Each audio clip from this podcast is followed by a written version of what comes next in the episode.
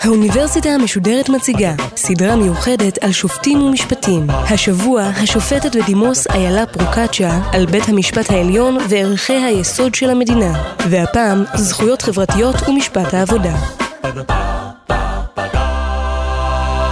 בהרצאתנו הקודמת עמדנו על הפן המוסדי של הדמוקרטיה בישראל והתייחסנו במיוחד לבחירות הכלליות, למבנה מוסדות השלטון ולעקרון הפרדת הרשויות.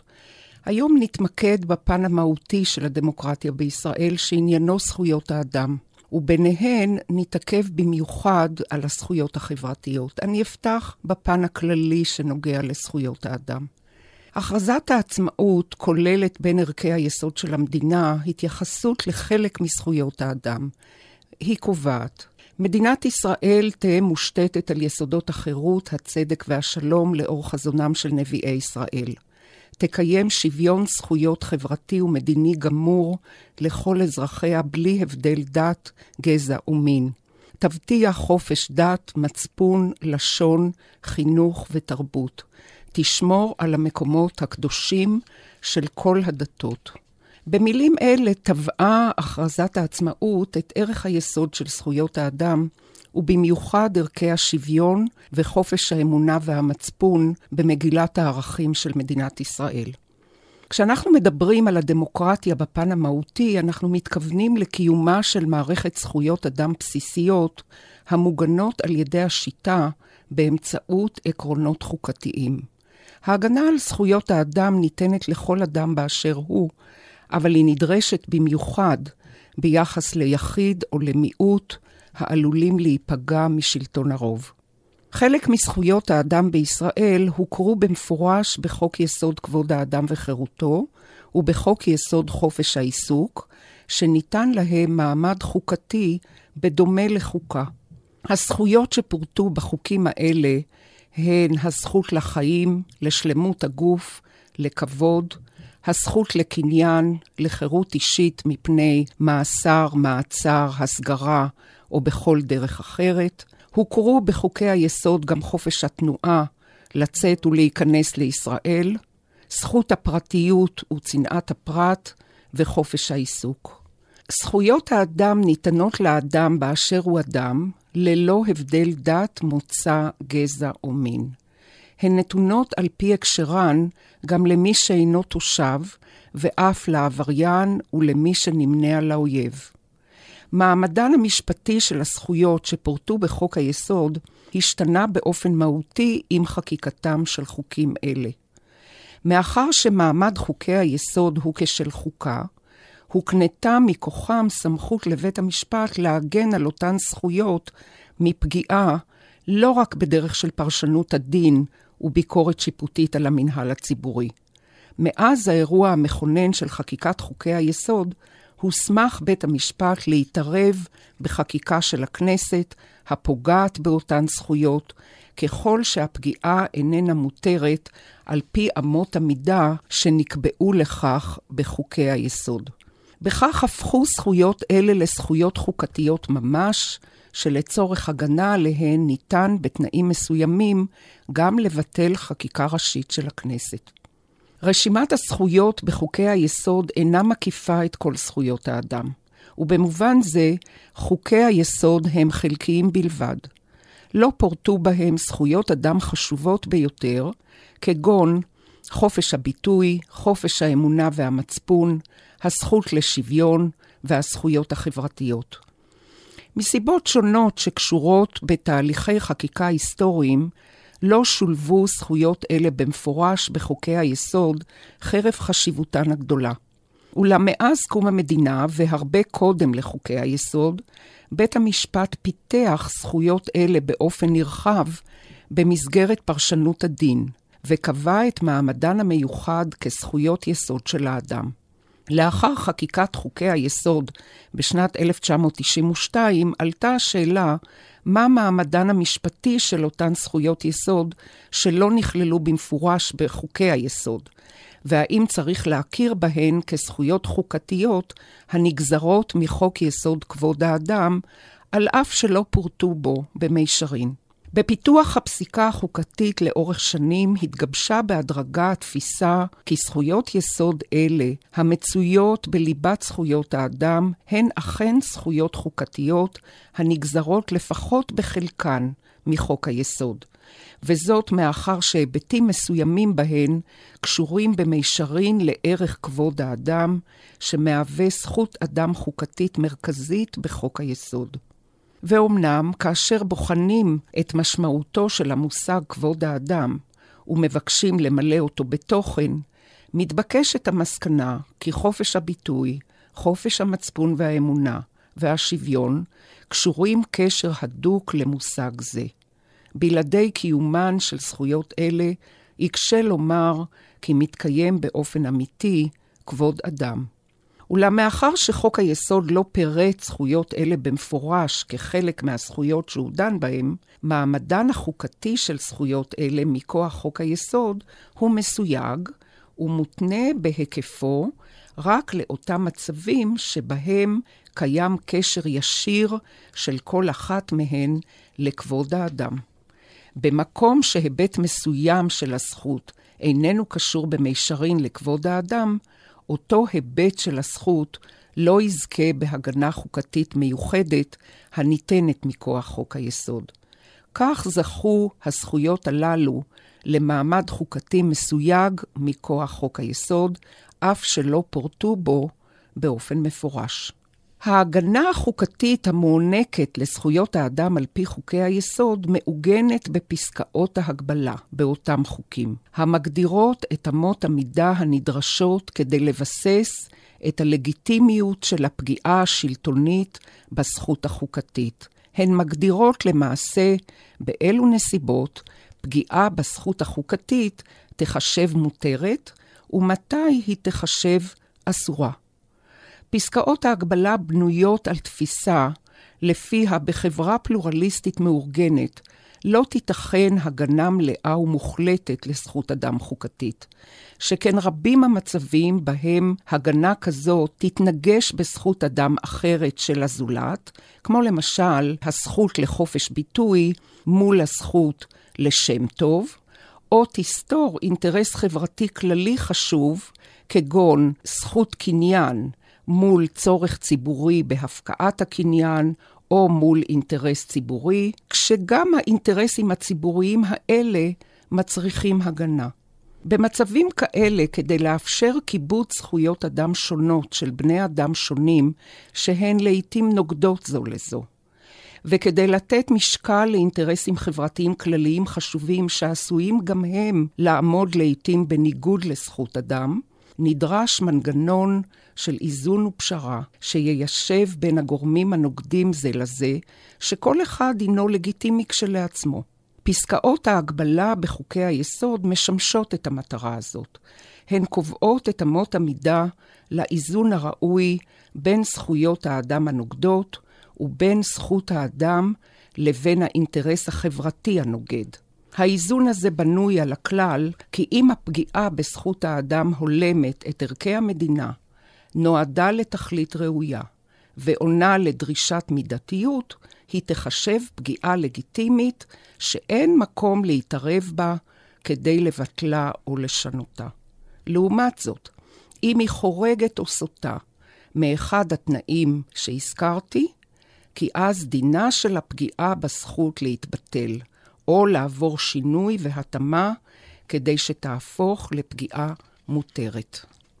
מכוח הלכת בנק המזרחי, אליה התייחסנו בהרצאה הקודמת, הוקנתה כאמור לבית המשפט סמכות ביקורת שיפוטית על חוקי הכנסת כדי להבטיח שהם אינם פוגעים בזכויות אדם בפגיעה שאינה מתיישבת עם אמות המידה שנקבעו בחוקי היסוד.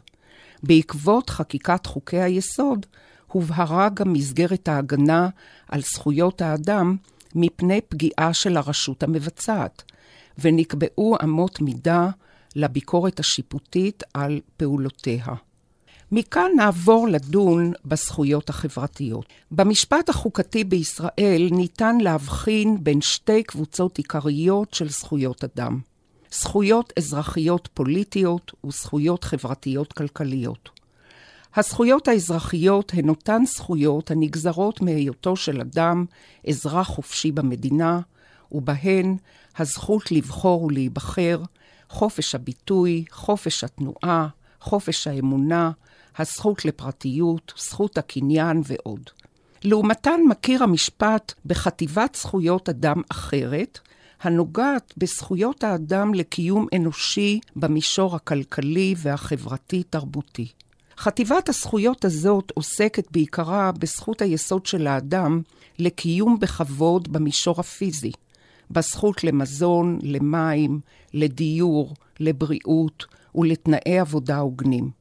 במישור התרבותי-חברתי היא עוסקת בזכות האדם לחינוך בסיסי ולרכישת ערכי תרבות יסודיים. המשותף לשתי קבוצות הזכויות, האזרחיות והחברתיות, הוא כי מדובר בזכויות יסוד של האדם הראויות להגנה חוקתית, שבלעדיה לא יוגן גורלם של הפרט והמיעוט מפני שלטון הרוב. פיתוחן של זכויות האדם האזרחיות במשפט הישראלי הוא מרשים במיוחד, וזאת בהתחשב בין היתר באיום הביטחוני המרחף על המדינה מאז הקמתה, שעשוי היה לשמש בנסיבות מסוימות מעצור לפיתוח זכויות אדם. לעומתן, הזכויות החברתיות מפגרות בהרבה ברמת פיתוחן במשפט. הצעות לחקיקת חוק יסוד מיוחד לעיגון חוקתי של זכויות האדם החברתיות נכשלו. פיתוח חלקי שלהן נעשה במסגרת חוקים רגילים העוסקים בזכויות חברתיות מסוימות, כגון חינוך, בריאות, ביטוח לאומי והבטחת תנאי עבודה הוגנים. הסדרת הזכויות הללו בחוקים הרגילים איננה מבטיחה את מעמדן החוקתי העליון של זכויות אלה. זכויות חברתיות אחרות לא זכו להסדרה כלל, גם לא בחוקים רגילים. עולה השאלה מדוע נוצר פער כזה בפיתוח הזכויות האזרחיות לעומת הזכויות החברתיות. ייתכנו לכך מספר הסברים, שאפשר שהעיקרי שבהם נעוץ בעובדה כי בעוד שפיתוחן של הזכויות האזרחיות אינו טעון בדרך כלל השקעת משאבים כספיים מצד המדינה, פיתוח הזכויות החברתיות ומחויבות המדינה לכבד אותן כרוך בהקצאת משאבים תקציביים ניכרים. בעוד שבדרך כלל אין צורך בהשקעת משאבים כדי להכיר ולכבד את הזכות לבחור ולהיבחר, את הזכות לחופש ביטוי ואת הזכות לחופש אמונה, נדרשים משאבים רבים כדי לעמוד בחובת קיומן של זכויות אדם לקיום מינימלי בכבוד בתחום הפיזי, וכן בתחום התרבותי-חברתי. הריסון השיפוטי שמאפיין את הביקורת השיפוטית בנושאי הקצאת משאבים וסדרי עדיפויות לאומיים של הממשלה, גם הוא בוודאי גורם התורם לפיתוח האיטי של הזכויות החברתיות. מבחינה עיונית, אין הצדקה של ממש להבחין בין שתי קבוצות הזכויות, האזרחיות והחברתיות. שתיהן ראויות להכרה כזכויות על-חוקתיות במדינת רווחה דמוקרטית. כשם שהמשפט הכיר בזכויות אזרחיות מסוימות שלא פורטו בחוק היסוד כזכויות חוקתיות, כגון חופש הביטוי, חופש האמונה והשוויון, כנגזרות מערך כבוד האדם, כך הכיר בזכויות החברתיות לקיום מינימלי בכבוד כזכויות חוקתיות כאלה מכוח אותו ערך עצמו, מכוח ערך כבוד האדם. יתר על כן, קיים גם קשר בל יינתק בין הזכויות האזרחיות לזכויות החברתיות, שכן בלא זכויות חברתיות, יתקשה אדם לתת ממשות לזכויותיו האזרחיות. ללא תנאי קיום מינימליים, פיזיים ותרבותיים, יתקשה אדם לתת תוכן ומשמעות אמיתית לזכויות האזרחיות. איך יוכל אדם לתת תוכן לזכות לבחור ולהיבחר לכנסת, לחופש הביטוי, לחופש העיסוק ולזכות הקניין, כשהוא סובל ממחסור במזון, בריאות, דיור וחינוך. בהיעדר הסדרה של חוק יסוד, בית המשפט פעל לאורך שנים לפיתוח מסוים של הזכויות החברתיות, אבל בדרך ספורדית ולא שיטתית, כיד המקרה, וכמענה למקרים קונקרטיים שהובאו לפניו. תחום זה זכה להגנה חלקית בלבד של המשפט, בלא שיטה ובדרך לא סדורה. בתחילה קבעה הפסיקה כי לאדם נתונה זכות לקיום מינימלי בכבוד, הנגזרת מהזכות החוקתית לכבוד האדם.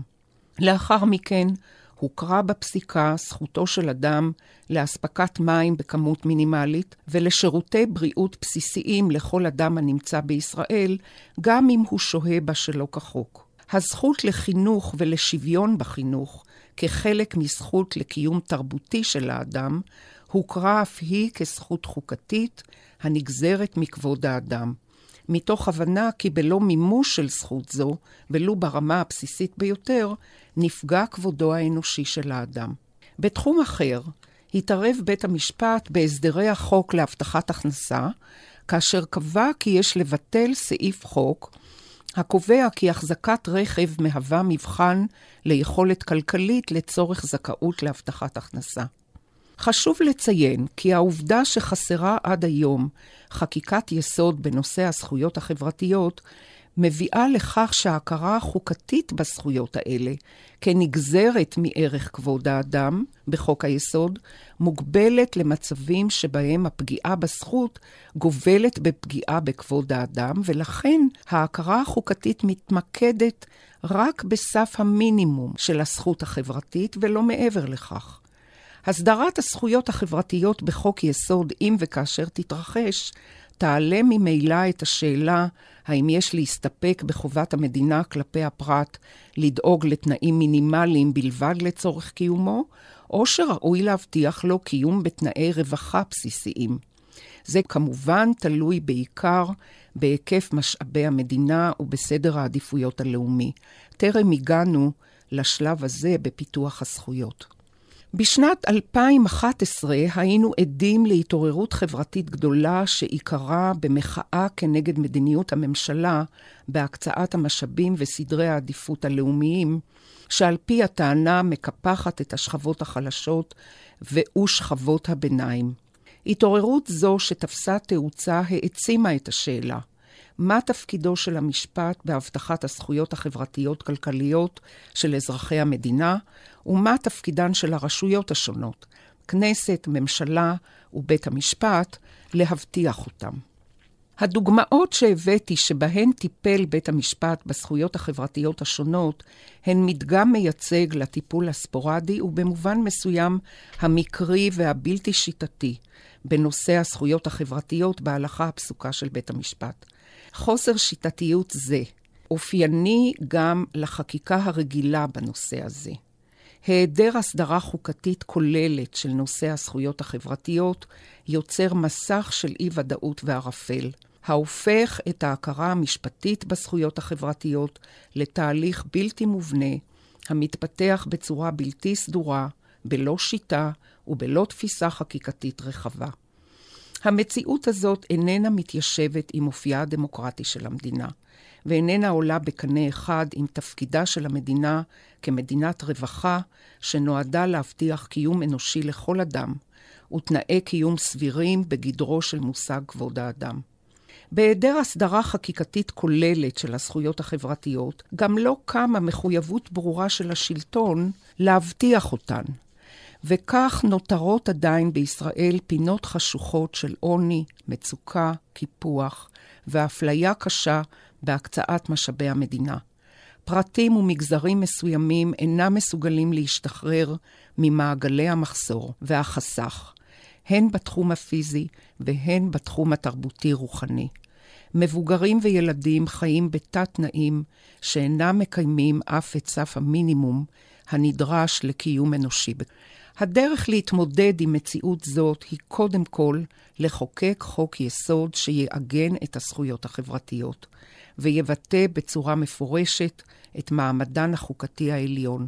הצהרה חוקתית כזאת לא רק תקנה לאדם הגנה מפני פגיעת השלטון בזכות החוקתית, אלא תבהיר במפורש את חובתו הפוזיטיבית של השלטון להבטיח כי זכויות היסוד האלה תקוימנה ותמומשנה. חוק יסוד כזה יגשר על פני חלל גדול, המצוי כיום במשפט הישראלי, המקרין במישרין על אופייה הדמוקרטי של המדינה. חקיקת יסוד בעניין הזכויות החברתיות צריכה בראש ובראשונה להגדיר מהן הזכויות החברתיות שיש לתת להן הגנה חוקתית מיוחדת, ומה היקף ההגנה הראויה להן. הגדרת מהותה של הזכות החברתית-חוקתית איננה בהכרח נתון קשיח. היא עשויה לנוע בין זכויות שנועדו להבטיח סף מינימום הכרחי לצורך קיום פיזי ותרבותי בלבד, לבין זכויות לקיום ברווחה סבירה החורג מסף המינימום. בהתחשב כמובן בהיקף משאביה של המדינה ובסדרי העדיפויות של הצרכים הלאומיים. כמו כל זכות חוקתית אחרת, כך גם הזכות החברתית איננה מוחלטת. היקף ההגנה החוקתית שיש לתת לה נגזר מנקודת האיזון המתקבלת כתוצאה מהתמודדות בינה לבין אינטרסים ציבוריים חשובים נוגדים. כך למשל, בקביעת היקף ההגנה על הזכות החברתית, יש להתחשב בהיקף המשאבים הכספיים הנתונים בידי המדינה ובסדרי העדיפויות בהקצאתם, כמו כן, היקף ההגנה על הזכות עשוי להיגזר גם מקיום מדיניות שלטונית של עידוד יוזמת הפרט למצות את כוחו ויכולותיו כדי לקיים את עצמו ואת התלויים בו. עם זאת, כמתבקש במדינת רווחה, מי שאיננו מסוגל לקיים את עצמו, לא יושלך לרחוב ולא יסבול רעב ומחסור. וכך, כמו בשאר חוקי היסוד, יש לכלול פסקת הגבלה בחוק היסוד בדבר זכויות חברתיות, שתיתן ביטוי להיקף הפגיעה החוקתית המותרת בזכות החברתית. פסקת הגבלה כזאת תגדיר מהי הפגיעה המידתית המותרת בזכות החוקתית, עליה לשקף מצד אחד את הגרעין הקשה של הזכות החברתית שבו אין לפגוע, ובה בעת להשאיר מרחב מספיק למימוש אינטרסים חברתיים לאומיים חשובים אחרים, שבלעדיהם חברה מאורגנת אינה יכולה להתקיים. ההנחה המובנית ברקע פסקת הגבלה כזו היא כי הרשות המבצעת היא בעלת הסמכות להגדיר מהם האינטרסים הלאומיים שבכוחם להצר ולהגביל את היקף התפרסותה של הזכות החברתית, ובלבד שמימוש האינטרסים האלה לא יחרוג מגדר המידתיות הנדרשת בפגיעה בזכות החברתית החוקתית, ולא ירוקן אותה מתוכן. וכך אמורה פסקת ההגבלה בחוק היסוד ליצור את האיזון הראוי בין הדאגה לצרכיו הקיומיים של הפרט לבין האחריות למימוש היעדים הלאומיים האחרים על פי סדרי עדיפויות שיקבע השלטון. המשימה העיקרית בעיגון הזכויות החברתיות בחוק היסוד מוטלת על הכנסת כרשות מחוקקת. על הממשלה כרשות מבצעת יוטל לממש את הוראות חוק היסוד במסגרת משאבי המדינה. תפקידו של בית המשפט בגדרו של עקרון הפרדת רשויות השלטון יהיה לפקח במסגרת הביקורת השיפוטית על מימושו כדין של חוק היסוד, כדי להבטיח את כיבוד זכויות האדם החברתיות על פיו.